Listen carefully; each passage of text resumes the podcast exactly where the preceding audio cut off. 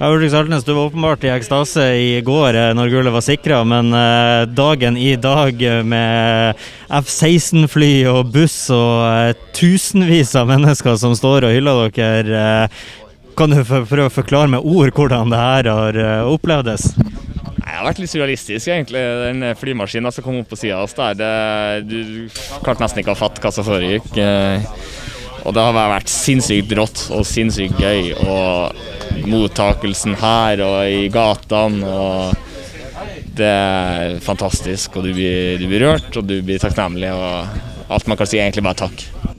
Vi kjenner jo eh, alle til historien din, hvordan din karriere har hatt både oppturer og nedturer, og det etter eh, så mange sesonger nå stå her som kaptein til seriemesterlaget. Hvordan har det vært? Nei, jeg vet da faen. Det, jeg, vet, jeg vet ikke hva jeg skal si.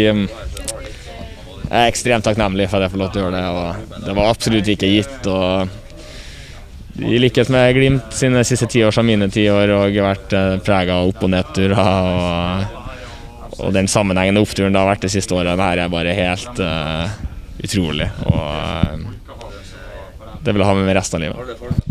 Jeg overhørte etter Ålesund-kampen du fikk et spørsmål om det var kjipt å ikke ta gullet på Aspmyra kontra en bortebane. Da svarte du den gang at uh, du hadde ikke tatt gull ennå, så du vet ikke hvordan det føles. Nå har du jo tatt gull, så nå kan du kanskje fortelle hvordan det føltes, om det så var hjemme eller borte. Ja, nei, da kan jeg si jeg skulle ønske vi var hjemme. 100 Men uh, å klage når du tar seriegull, det, da vil du fremstå som verdens latterligste mann, så det skal jeg ikke gjøre. Vi har iallfall, uh, så vidt meg bekjent, uh, tre hjemmekamper som gjenstår, og det tror jeg blir tre fantastisk fine fester.